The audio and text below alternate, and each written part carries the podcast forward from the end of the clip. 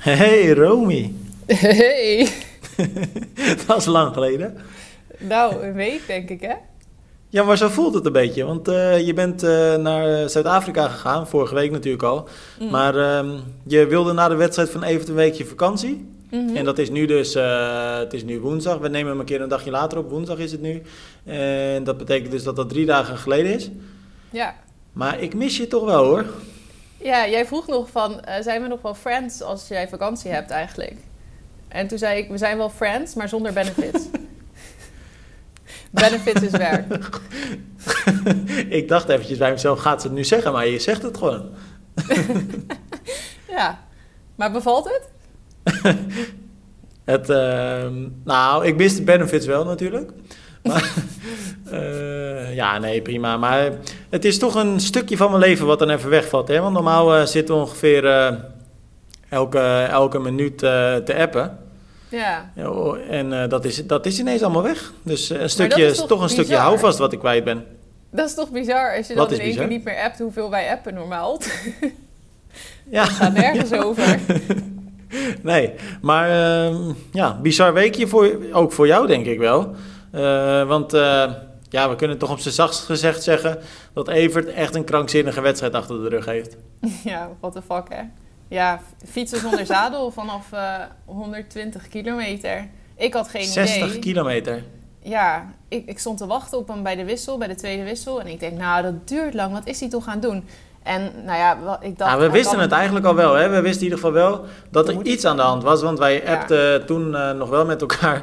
En toen zagen we dat eigenlijk... Hij zat in die kopgroep. Of ja, er waren twee jongens, uh, twee mannen waren vooruit geloof ik uit mijn hoofd. Maar daarachter zat een hele grote, mm -hmm. ja, achtervolgende groep dus eigenlijk. Met alle grote namen erin. En, en eigenlijk van het een op het andere moment zagen we dat ze... Hij zat erbij en ineens zat hij 20 minuten erachter. En dat werd ook alleen maar groter. Dus we wisten wel dat er iets aan de hand ja. was. Ja, ik dacht wel, een off-day is niet zo extreem. Dat kan niet ineens. Dus ik dacht wel van, dit Nee. moet iets mechanisch zijn of zo. Maar het was een beetje gek, want ja, je gaat dan denken, wat kan het dan zijn? Want eerst dacht ik, als het een lekker band is... dan zou hij die punten daarna niet weer zoveel tijd moeten verliezen... maar tijd moeten gaan goedmaken. Dus ik dacht, het is of iets mechanisch wat blijft... of ik was op een gegeven moment een beetje bang dat hij zou zijn gevallen... en dat hij dacht, ik fiets gewoon half bloedend door... En dat hij daardoor Ja. heel sloom was. Dus ik was bij die tweede wissel. Ondertussen wa- was echt de eerste man. Nou, dat had ik nog nooit zo extreem meegemaakt. Hij was gewoon al drie kwartier voorbij. Ik denk, waar blijft, waar blijft hij van mij? Maar, en toen op een gegeven moment kwam hij dus aan. In de verte helemaal slingerend en zo. Ik denk, wat is hij nou aan het doen, joh? Ik snapte er helemaal niks van. Ja. En toen stopte hij Ja. en toen zei ik zo, wat is er nou? En toen liet hij zo zijn fiets zien. En toen zag ik dus dat er geen zadel meer op zat. Ja, maar dat is echt bizar. Maar hij heeft echt nog geluk dat hij niet onderuit is gegaan, joh. Ja, echt geluk gehad. Want het gebeurde ook waar hij best wel hard reed. Hij reed daar 50 eh, per uur. Dus ja, het had zo mis kunnen gaan. Gelukkig dat dat niet gebeurd is. Maar ehm, ik heb eh Evert eh, kort na afloop eventjes gesproken, maandag geloof ik. Mhm. En hij zei ook, hè, want hij had overal spierpijn. Niet alleen zijn benen, maar ook zijn armen, zijn rug, Ja. zijn buik. Ja, hij had heel erg in zijn buik inderdaad ook. Dat die buikspieren en zijn handen waren kapot van de hele tijd dat eh, stuur vasthouden natuurlijk. Dus ja, het is geen aanrader. Nou, eh, pittig hoor. Ik heb eh, met trainen, eh, ging ik gewoon eventjes voor de grap proberen hoe het is om een paar minuutjes te staan. En natuurlijk weet je hoe het is om te staan, maar ik dacht bij mezelf, oké, in de wetenschap dat je dat 60 kilometer moet volhouden is natuurlijk iets heel anders. Maar dat is gewoon krankzinnig. Dat is echt, eh, echt krankzinnig. Maar goed, Ja. daarover gesproken, Romy, ik moet je, ik moet je een, eh, een bekentenis doen. Ja, ik ben benieuwd. Wat dan? Ik ben vreemd gegaan. Eh, je hebt op een andere fiets gereden. En dan bedoel ik niet, fietsen is dan niet symbolisch. Nee, nee, nee. Ik ben echt vreemd gegaan. Ik ben echt vreemd gegaan. Nou, dan ga ik dat Suus vertellen. Dat kan ik niet anders. Nee, maar ik ben vreemd gegaan ten opzichte van jou.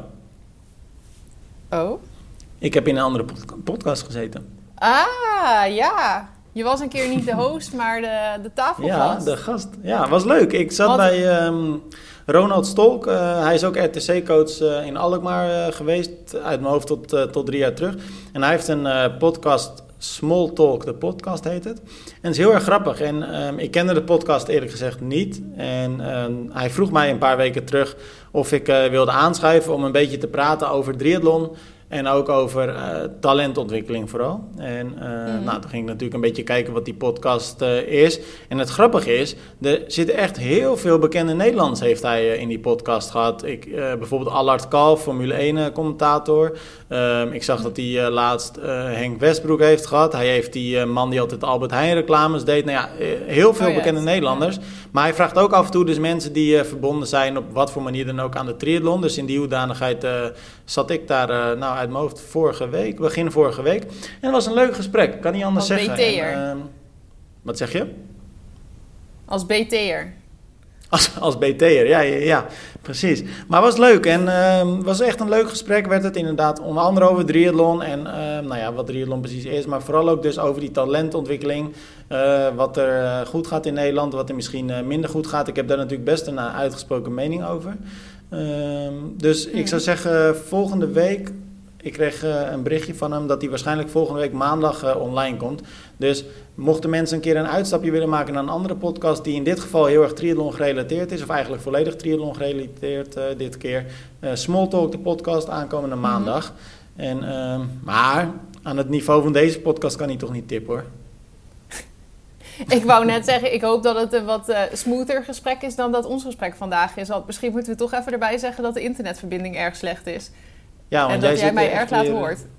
Hoe noemde je dat vorige, vorige week nou? Continent op een continent dat er niet echt toe doet. Ja, een continent wat niet echt... eh, nou, jij zei dat trouwens. Nee, jij maakte dat ervan. maar goed, maar het is hè, wel we echt zitten- een toffe... Ik had even gekeken op de podcast, eh, op de Instagram van de podcast. En je zit inderdaad tussen echt een, eh, een, rij, eh, echt een leuk rijtje namen. Ja, maar zouden die namen dat nou ook tegen elkaar zeggen? Dat ze dan zeggen van ja, er zijn, zitten echt eh, toffe mensen, zoals Tim Moria van Triathlon. Dat kan me niet anders voorstellen. Maar ik ben ook wel benieuwd, want hebben jullie het ook over je eigen talentontwikkeling gehad? Of dat niet echt? Nou ja, we hebben het, eh, we hebben het zeker eh, gehad, maar dan meer op maatschappelijk vlak. Hoe het kwam dat ik journalist ben geworden, wat mijn beweegredenen daarbij waren. eh, waar, maar ook waar ik tegenaan ben gelopen in mijn vak, wat ik allemaal meegemaakt heb. Eh, we hebben het natuurlijk ook over de NTB gehad, de situatie daar. En hoe we daar vanuit triathlon, ehm, eh, ja, wat onze rol daarin is geweest en hoe we dat Mhm. Hebben ervaren.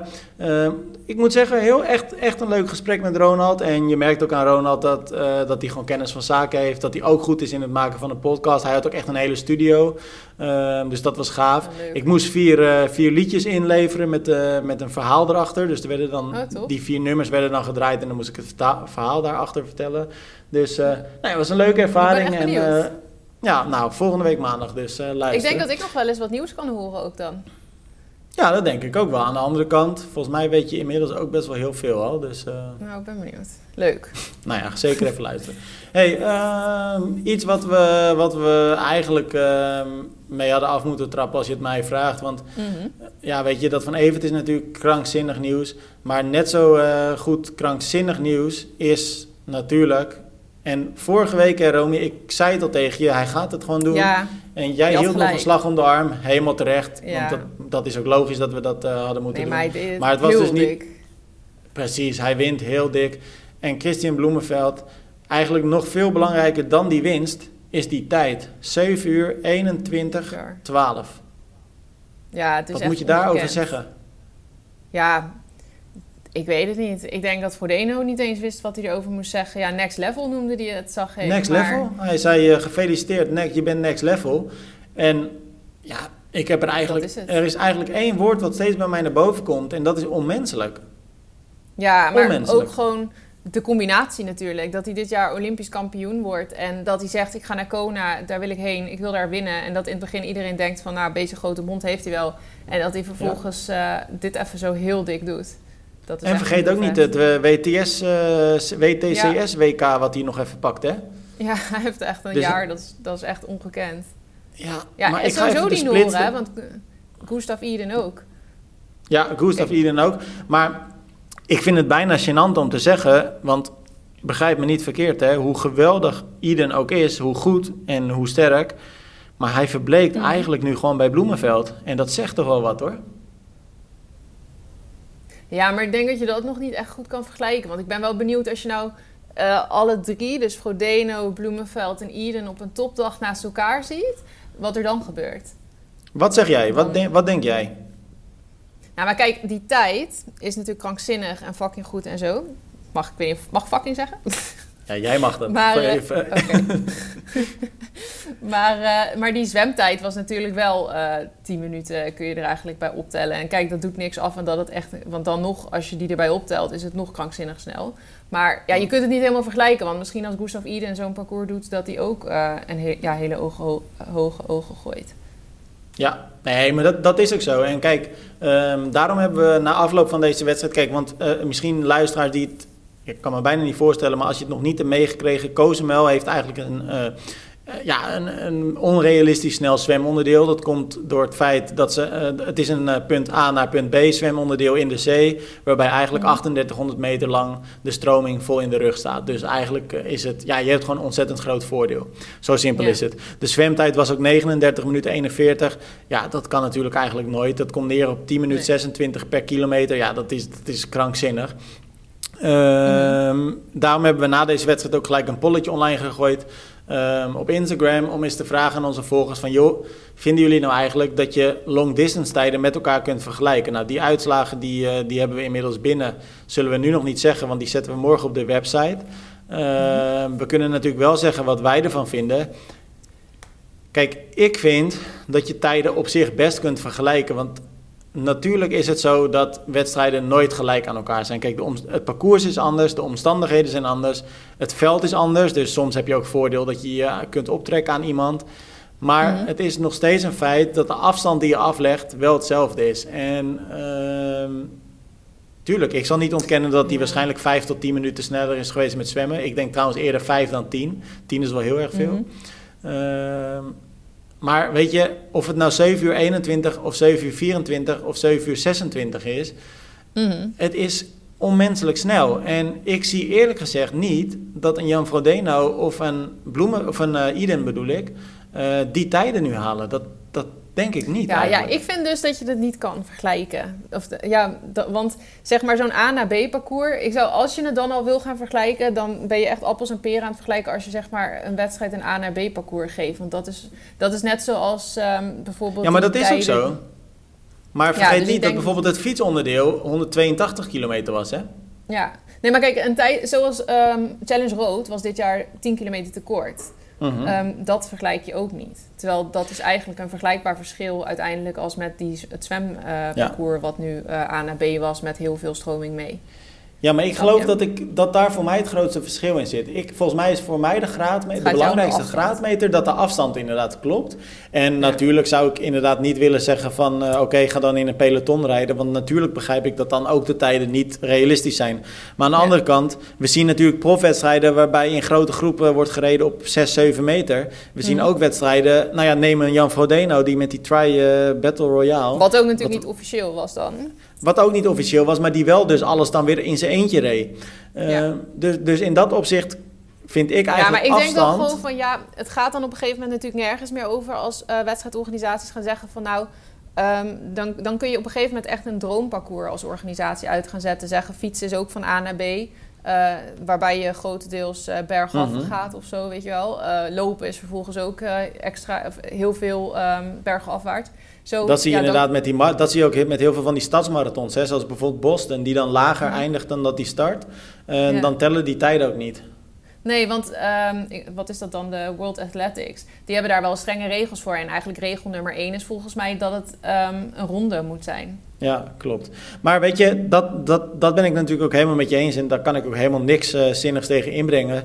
Mm. Het, maar het is natuurlijk een hele lastige discussie. Want het is natuurlijk overduidelijk dat, deze, dat hij ook op een, zeg maar, met een normaal zwemparcours... had hij ook nog steeds een ontzettend maar, snelle tijd neergezet.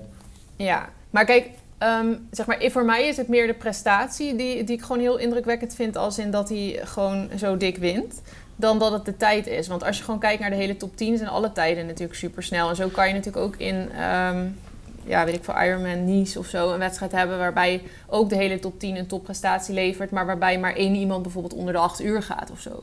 Ja, dus... maar in dat opzicht wint hij dus eigenlijk ook niet eens zo heel dik, hè? Want al die mannen erachter, die zaten er ook weer niet eindeloos ver achter. Was het niet 10 minuten? Ja, dat, dat viel inderdaad nog mee. Was het 10 minuten of zo dat de tweede erachter Ja, zoiets. Ik heb het nu eventjes niet paraat. Maar mm -hmm. uh, het, wa het, wa het, was zeg maar niet ineens 20 of 30 minuten. Nee, dat is waar. Ja, dus maar het was gewoon een hele snelle race ook. Ja, voor iedereen natuurlijk. Ja, maar dat is dus best interessant. Omdat jij dan zegt mhm. van... ik vind de prestatie dus heel uh, uniek. Maar eigenlijk hangt die prestatie alleen maar samen met die, met die snelle finishtijd. Want het, het, dit gebeurt eigenlijk bijna elke wedstrijd... dat de winnaar rond deze tijdwinst heeft ten opzichte van de nummer twee. Dus daar is niks speciaals aan. Nou ja, ik vind het vet meer dat hij zeg maar ik had natuurlijk niet zoals vorige week toen we dit gesprek hadden, toen had ik niet meteen dat ik zei van oh, hij gaat het ook uiteindelijk doen. Want hij heeft zichzelf echt een flinke druk opgelegd door dit zo te roepen. Dus ik vind het een hele grote prestatie als je kijkt naar wat hij dit jaar allemaal heeft gedaan, die korte afstand en zo. Mhm. En dat hij dan uh, ja, dit roept en het dan vervolgens ook waarmaakt. Dat vind ik vooral echt een hele vette prestatie. En inderdaad, het tijdsverschil met dan de nummer 2, dan is het niet eens een hele dikke. Alles 10 minuten is natuurlijk als het dat was, maar dat is alsnog wel ook veel. Maar dan vind ik het vooral heel dik dat hij dat dan gewoon zo doet. Ja, ja, ja. Ik uh, zit even de splits te bekijken. 39 minuten voor het zwemmen dus, 39-41. Hij mhm. fietste 4 uur 240. Um, ehm, met de Strava-afstand van 181,86 kilometer komt dat neer op uh, eh, 45,1 per uur. Mm en dan nog het lopen, 2 uur 35, 24, 3 minuten 47 per kilometer. Uh, bijna 16 kilometer per uur gestoord hoe hard dat is. Ja. Echt en dan uh, Hans uh, van Triathlon bij Even vond dat nog wel bijzonder. Hij is ook nog naar de wc geweest. Oh, oh ja. nou ja, eerlijk, dat kost ook weer eventjes. Wat kost het? Een minuutje? Twee minuten? ja, toch, ja, dat, ja, daar hangt er maar net vanaf. Ik weet niet of hij nog een krantje meegenomen heeft. Maar... ik verwacht van niet. ik, ik zag hem eh, met een uh, onbloot bovenlijf al die wc inrennen. Dus ik denk inderdaad dat het sneller 30 seconden geweest zal zijn dan dat het twee minuten geweest is. Ja, hij dacht, ik heb uh, zo'n voorsprong, dan ga ik mezelf niet uh, onder uh, nee. poepen. maar dit zijn de momenten wel dat ik... Nou, volg je zo'n wedstrijd. Weet je wat me nou zo verbaast, Romy? Ja, ik, wilde eigenlijk tegen. Ja, je weet het al. Want wat ik eigenlijk tegen je wilde zeggen eerst was dat ik dit de momenten zijn dat ik als triathlon-liefhebber, want dat ben ik in de basis, net als jij. Mm dit zijn de momenten dat je denkt: holy shit, wat een vette sport is dit toch? Dit is wat we willen. Kippenvel tof. Maar op papier, ja precies, kippenvel. Maar op papier wist je gewoon al dat dit een spectaculaire race ging worden. Of Bloemenveld nou zou winnen of niet, want als hij door het ijs zou zakken, dan had het ook spectaculair geweest. Ja. En wat doet Ironman? Niks. 0,0 aandacht. Geen livestream, ik was snap ik, een beetje aan het chillen, maar ik zag ondertussen veel frustratie op de app voorbij komen van uh, jullie uh, die geen foto's konden vinden, die geen idee hadden wat er gebeurde. De app bleef haperen, klopt dat of zo? Dat zag ik volgens mij ook op. Nee, dat was uh, niet per se oh, heel ideaal, maar de timing app werkte prima. Maar er was dus inderdaad geen livestream. Nou ja, dan kan ik me nog voorstellen, kostentechnisch dat dat, of misschien vanwege de locatie, er zijn vaak redenen voor die mm. ja, triathlon volgers niet altijd uh, meteen begrijpen of zien. Maar er zijn wel eens redenen dat dat inderdaad lastig is. Dus dat kan ik me nog voorstellen. Maar wat zo krankzinnig is, is dat Ironman na de finish geen bericht online heeft gezet. Ze hebben dus um, geen meer dan vier, filmpje geen foto, geen, geen bericht, geen nieuwsbericht. Pas 24 uur na de finish, namelijk maandagavond, kwam er een kort berichtje op socials. Christine Bloemenveld finished in 7 uur 21. Gefeliciteerd. Ja, niet, Maar hoe, waar, wat zonde ook gewoon. Want als organisatie is dat het moment om je wedstrijd te promoten. Als je dat 24 uur later doet, dan is de hele wereld het alweer een beetje vergeten, zeg maar. Maar dat is toch nou bizar?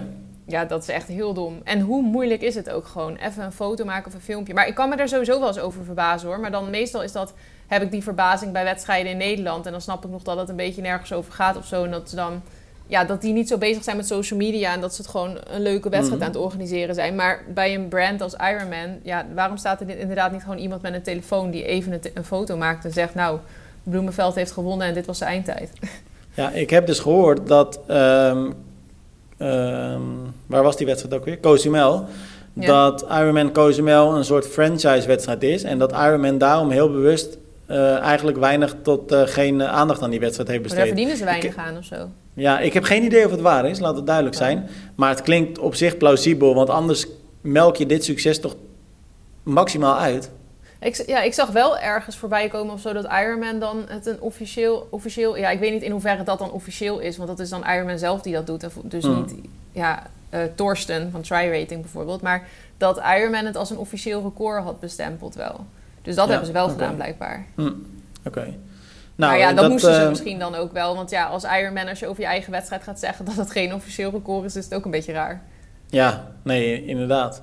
Maar dat brengt ons op een uh, mooi lijstje met uh, tien snelste tijden tot nu toe. En natuurlijk, dan kom je weer op de discussie van, is dit, ehm, ehm, kun je dit doen? Kun je tijden met, ja precies, appelsperen vergelijken. Maar ik zal ze gewoon even voor het gemak eventjes noemen.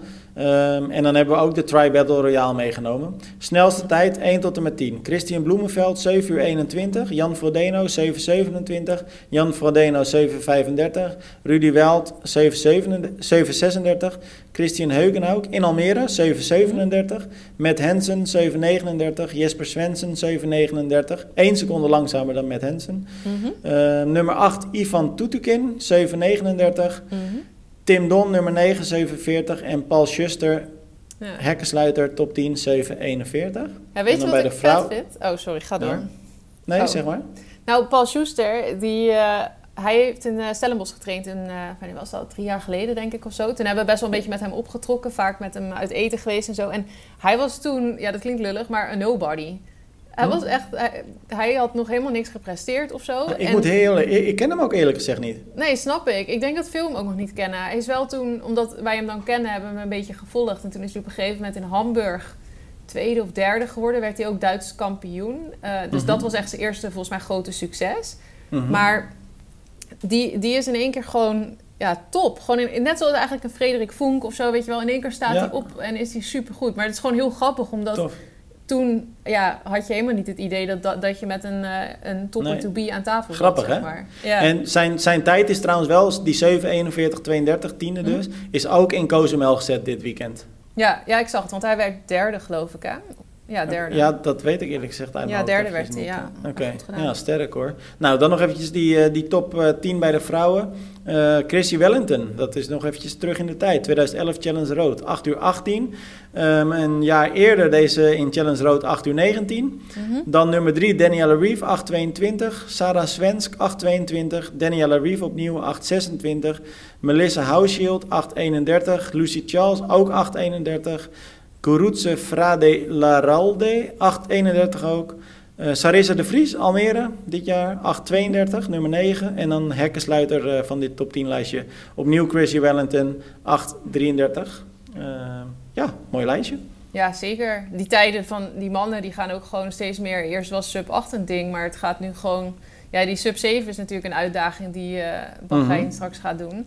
Maar het gaat ook nu op, zeg maar, zonder dat je alles meehelpt. En zo gaat het echt al bizar dicht tegen die 7 aan zitten. Dat was ook Bloemenveld, toch? Die ging dat toch ook doen in Bahrein, ja. die sub 7? Ja, ja Bloemenveld okay. en Brownlee, geloof ik. Ja. Maar we hadden het er in de app ook eventjes met elkaar over. Schoenen spelen hierin ook wel een grote ja. rol, denk ik, hè? Nee, dat denk ik ook wel, ja. Ja, want je, dat... je ziet ook, volgens mij zei jij dat ook terecht, dat vooral de looptijden gewoon steeds harder worden. Ja, ja en je merkt ook gewoon dat de verzuring minder komt met die nieuwe carbonschoenen. Mm -hmm. En nou ja, je ziet inderdaad dat die looptijden... Kijk, vroeger een 230, 235, dat was haast ondenkbaar. Dat, dat konden ja. maar een paar mensen, echt een handjevol atleten. En nu is dat eigenlijk gewoon... Uh, elke wedstrijd hebben een paar mensen rond die tijd. Ja. ja, en ik denk ook dat er steeds meer, dat triathlon ook gewoon doordat het blijft groeien, dat er steeds meer mensen aan triathlon gaan doen. En als er meer mensen aan triathlon gaan doen, dan heb je ook een grotere kans dat, er, dat je hele grote toppers vindt, zeg maar. Ja, en dan ja. motiveer je elkaar ook om steeds sneller te worden, zeg maar. Dus ik denk dat het ook door de ontwikkeling van de sport komt of zo. Ja, ja precies, dat denk ik ook. Hey, over een andere ontwikkeling uh, gesproken dat vond ik wel echt een hele toffe ontwikkeling ook. Uh, naast, want eigenlijk was het uh, dit weekend dubbel genieten. En jij hebt dit uh, vanaf de eerste rij mee kunnen krijgen. Want wedstrijd in Zuid-Afrika werd, ja, eindigde natuurlijk voor Evert, ja, desastreus wil ik toch wel zeggen. wedstrijd werd gewonnen door Maurice Klevel. Maar wat ik eigenlijk toffer vond, was Sebastian Kienle, die gewoon weer eventjes, alsof het niks was, naar een tweede plek liep. Lang in de strijd was om, om de winst nog zelfs. Ja, ja, ik, ik had echt zo'n tweestrijd. Want ik vond het eigenlijk allebei heel erg leuk als ze zouden winnen. Dus aan de andere kant maakt het me dan ook weer niet echt uit of zo. Maar ik vond het vooral gewoon heel tof om te zien dat uh, Kienle er weer stond. En Maurice Cleval is ook wel een talent wat, wat ook wel zeg maar een paar jaar geleden een paar hele sterke races had. En heeft hij een tijdje gehad dat het allemaal wat minder ging. Dus, nog heel jong ook? Ja, nog heel jong. Maar die stond er dus ook echt weer. Dus ik gunde het hem ook heel erg. Maar ja, en zijn eerste was... Ironman-overwinning, hè? Zijn eerste long-distance-overwinning. Ja, zijn eerste grote race. Maar wat een, uh, wat een emotie kwam er vrij bij die jongen, joh, bij de finish. Ja, echt tof. Prachtig. Ja, Hij eh, heeft volgens mij anderhalf kilometer een feestje lopen vieren. mooi is dat. Ja, echt gaaf. Nee, echt. Maar Kienle, petje af voor. Hij heeft natuurlijk eh, begin eh, november, begin deze maand zijn pensioen aangekondigd. Nou, Mhm. gelukkig duurt het nog eventjes voor het zover is. Hij gaat nog, eh, wat was het, twee, drie jaar eh, door. Eh, heeft nog zinnen gezet op eh, eigenlijk een eh, wereldtitel. Ja. Ehm, wij zeiden allebei vorige week, en met name ik geloof ik, maar jij was het er wel enigszins Ja, mee eens, Ja, dat, we je- eigenlijk, ja, dat we dat eigenlijk niet echt zagen gebeuren. Mhm. Moet ik heel eerlijk zeggen, ik zie dat nu nog steeds niet gebeuren. Want dit was natuurlijk ook niet de allersterkste wedstrijd. Mhm. Maar wat hij wel even laat zien, is dat hij echt nog op dat hoogste niveau mee kan. En dat hij ook eindelijk weer blessurevrij kan racen. En dat is denk ik nog wel het grootste winstpunt voor hem. Maar hij heeft ergens gezegd of zo dat het voor het eerst in, volgens mij sinds 2014 of zo, voor het eerst is dat hij zijn seizoen niet afsluit met een blessure. Dat is bizar. Ja, dat is toch niet oké dat je ieder jaar je, je off-season ingaat met een blessure. Dat je moet Nee. herstellen van iets. Nee. Ja. Nou, tof om hem eh, terug te zien. Ja, nou, ik, ik moest in het begin dacht ik van nou, dit wordt hem weer niet voor Kienle. Want nou ja, op zich is het geen verrassing dat hij na het zwemmen er ver achter zit. Maar het zwemmen was ingekort naar 1900 meter. Dus nou ja, da- dan dacht ik dan is het iets minder ernstig ver dat hij erachter zit. Op zich, ik Mhm. weet niet hoe ver hij er uiteindelijk achter zat. Maar het, het duurde me vooral, Kort. vond ik dat het lang duurde voordat hij echt ehm, naar voren kwam. Want na 90 kilometer ongeveer zat hij eh, in de achtervolgende groep. Toen, toen pas Mhm. deed hij weer echt voorin mee in de wedstrijd. Dat duurde best wel even. Terwijl Ja. hij kan met fietsen soms ook echt heel snel weer naar voren toe fietsen. Het had toch wel heel leuk geweest. Ik gun het eh, Maurice Clevel eh, ook hoor, begrijp me Mhm. niet verkeerd. Maar ik had het toch wel leuker gevonden als Sebastian deze had gepakt. Ja, dat had ik hem ook wel gegund. Maar ik denk dat hij al lang blij is dat hij weer eh, heeft laten zien dat hij nog voorin mee kan doen, zeg maar. Ja, ik denk gewoon namelijk dat hij nooit meer een wedstrijd gaat winnen. En dat vind ik wel vervelend. Kienle? Ja, Kienle. Nou, ik denk dat hij hier wel weer hongerig door wordt, zeg maar. Misschien... En dat hij zeg maar dat pensioen heeft aangekondigd en dat hij dan zegt dat hij volgend jaar dat hij de ballen heeft om te zeggen dat hij volgend jaar wereldkampioen wil worden en dat hij dan vervolgens ook zo kort daarna meteen weer echt presteert terwijl hij het de hele tijd zo slecht deed. Dat is wel ja, heel knap en dan kan hij dat Ja. kan hij mentaal dus wel zo'n knop echt heel erg omzetten en er weer helemaal Mhm. voor gaan en het ook gewoon goed doen. Zou die denk je ooit naar de pareltriathlon willen komen? Nou, hij wilde volgens mij niet volgend jaar, maar het jaar erop wilde hij once in a lifetime bucketlist races doen. Dus misschien is het een van zijn bucketlist races. Hey, over, over bucketlist eh, races gesproken. Ik denk niet dat de Afrika Triathlon Cup in eh Dakla, eh, Marokko, daar per se toe behoort. Maar het is wel een wedstrijd waar de Nederlandse Donald Hillebrecht ineens... nou ja, ineens, dat is, klinkt een beetje oneerbiedig, zo bedoel ik het totaal niet. Maar ehm, hij werd er ineens eh, Mhm. En ehm, nou is eh, Donald eh, volgens mij in die regio eh, wel vaker succesvol. Mhm. Maar geeft hij toch weer even een visitekaartje af. En ehm, het eerste wat hij ook zei, hij wilde punten verdienen richting Parijs natuurlijk. Dat zei hij gelijk naar Tokio, de Olympische Spelen die hij gemist heeft. Mhm. Waar hij net niet voor gekwalificeerd was. Pijlen gelijk vooruitgericht op Parijs dus. 2023 geloof ik uit mijn hoofd is dat. Ja. Nee. En, of 24. 24. Ja, 24, drie jaar, dat is het inderdaad. Mhm. Maar, eh, nou ja, oké, eerste puntjes zijn binnen. Zegt dat nog niet zo heel veel. Maar het is in ieder geval wel goed dat hij, eh, dat hij vijfde wordt. Al vond hij het achteraf ook een beetje jammer, want hij had eigenlijk... eh, ja, hij zei eigenlijk van, zat er wel een podiumplaats in. Ja. Maar levert dat nou veel punten op dan ook zo'n wedstrijd? Ik heb geen idee eerlijk gezegd, ik denk het eigenlijk niet. Ja, dat zal vast... Want ja, de, de echte top staat er natuurlijk niet. Dus neem aan dat het dan ook minder punten oplevert. Nou, Jawad Abdelmoula die won de race. Dat bedoel En ik. eh Ren Sato werd tweede. En eh Denis Kolobrodev werd derde. Dat zijn Ja. toch niet de minste? Al sla je me dood. Nou, nee, maar even voor de duidelijkheid. Kijk, dat zijn natuurlijk voor ons onbekende namen. Eh. Maar het betekent natuurlijk niet dat daar, ehm, eh, dat, dat, dat talent geen goed is. atleten zijn. Want eh, het ging hard hoor. Want de snelste tijd 52-27 op een sprint. Dat is niet Ja. per se misselijk. Nee, dat is waar. Ja, nou, mooi en ik vind het dan ook jammer dat jij zo denigrerend doet.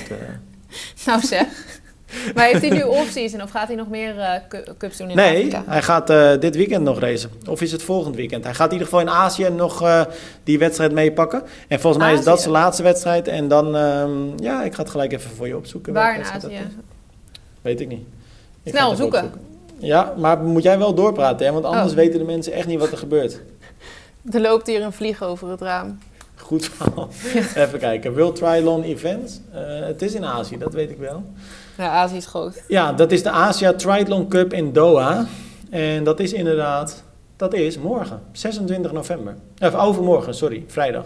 Doha, oh, maar dat is niet echt, ja, dat is wel Azië, maar... Nou, dat is, ja, dat is eigenlijk uh, Midden-Oosten. Ja. Ik weet niet of dat Azië is. Dat is ja, geen idee. Is het is in ieder geval niet echt heel Qatar. ver vliegen, denk ik. Ja, geen idee hoe ver dat vliegt. Nee, dat is toch in Azië? Dan zeggen we nu waarschijnlijk iets heel doms, of wel? Ik, Nou, volgens mij ligt het in Afrika, maar ik denk misschien is het dan Midden-Oosten of zo. Ja, dat is Afrika, toch?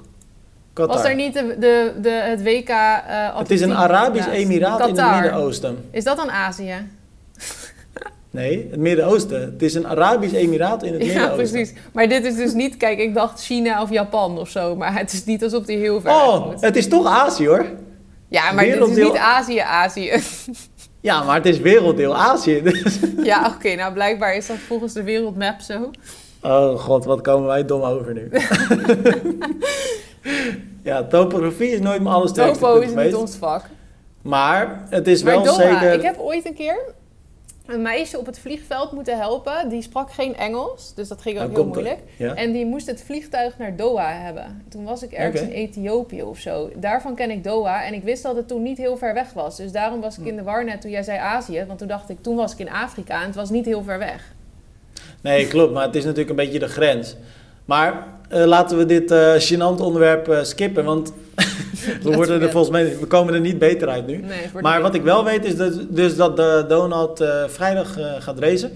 Wel slecht nieuws voor hem, want ik zit even de startlijst te bekijken. Ren Sato die is er vrijdag ook gewoon weer bij, net als Jawad Abdelmoula. Oh, die doen hetzelfde parcours. Ja, die doen hetzelfde rondje. En Ja. ja, ik moet heel eerlijk zeggen, eigenlijk scroll ik nu heel snel door de lijst. En ik zie weinig eh, bekende namen. Dus Nou, ben benieuwd of die dan op het podium kan komen. Of dat het een- Zou heel, ja. zou heel gaaf zijn. Nou, bij de vrouwen sowieso eh, maar eh, een stuk of twaalf deelnemers. Geen Nederlanders, eigenlijk alleen Nee. maar mensen uit Tapai en Japan. Eén Kazachstaanse en een Indiaanse. En een Slovaakse. En that's Ah. it. Maar oké, dus de, vrijdag gaat het seizoen nog eventjes door voor eh, Donald. En dan, ehm, en dan is het volgens mij off-season. En dan eh, is denk ik iedereen in Nederland zich wel weer een beetje aan het opstart of aan het, eh, aan het opladen voor volgend seizoen. Ja, ja er, is ook, er is ook weinig. Er, er worden echt, eh, als je naar het programma van Ironman kijkt ook, er zijn straks nog wat... eh, nee, voor Ironman houdt het nu bijvoorbeeld hier volgens mij wel een beetje Ja, op. maar volgend weekend is bijvoorbeeld wel een grote clashwedstrijd in Amerika. Ja, nee, die Wat is er voor dan challenge. Oh ja, en Ironman de halve ergens in Amerika geloof ik is nog een halve. Volgens mij Ja. datzelfde weekend. ja. Eh, half acht. Half zes eh, s ochtends start eh, Donald al. Vrijdag Nederlandse tijd. Ja, oké. Nou, wees blij dat je vakantie hebt. Ja. ja, ik zet het niet in mijn agenda. ik ga eens even kijken of dat ook nog wordt uitgezonden. Ja, dit is wel een heel... Het zou wat zijn als ze daar een hele dikke livestream op zetten. Dat dan ja. wel helemaal niks heeft en dan Doha. Wat wij niet eens weten of het in Afrika of Azië ligt. Dat ze daar dan een hele dikke livestream hebben. Even, even kijken. Nou, ik schaam me er ook gewoon voor. Ja, ik ook. Nee hoor, geen livestream. Oké, maar we gaan de wedstrijd zeker volgen. We gaan zien of Donald eh, hopelijk richting die podiumplaats gaat rennen. En eh, ik Mhm. sluit het niet uit. En dan, ehm, nou, dan wens ik jou vooral nog even lekker, eh, lekker veel plezier van je. Wat ga- gaan jullie nog wat doen eh, de komende dagen? Ja, ik denk straks even een wijntje drinken of zo ergens. God, god, god. Ja. Nou, dan tik ik lekker verder. Jo, nou dan, fijn. eh, nou, we appen niet meer, dus dan spreek ik je volgende week maandag, denk Geen ik. benefits. Tot maandag. Hey, doei doei. Doeg.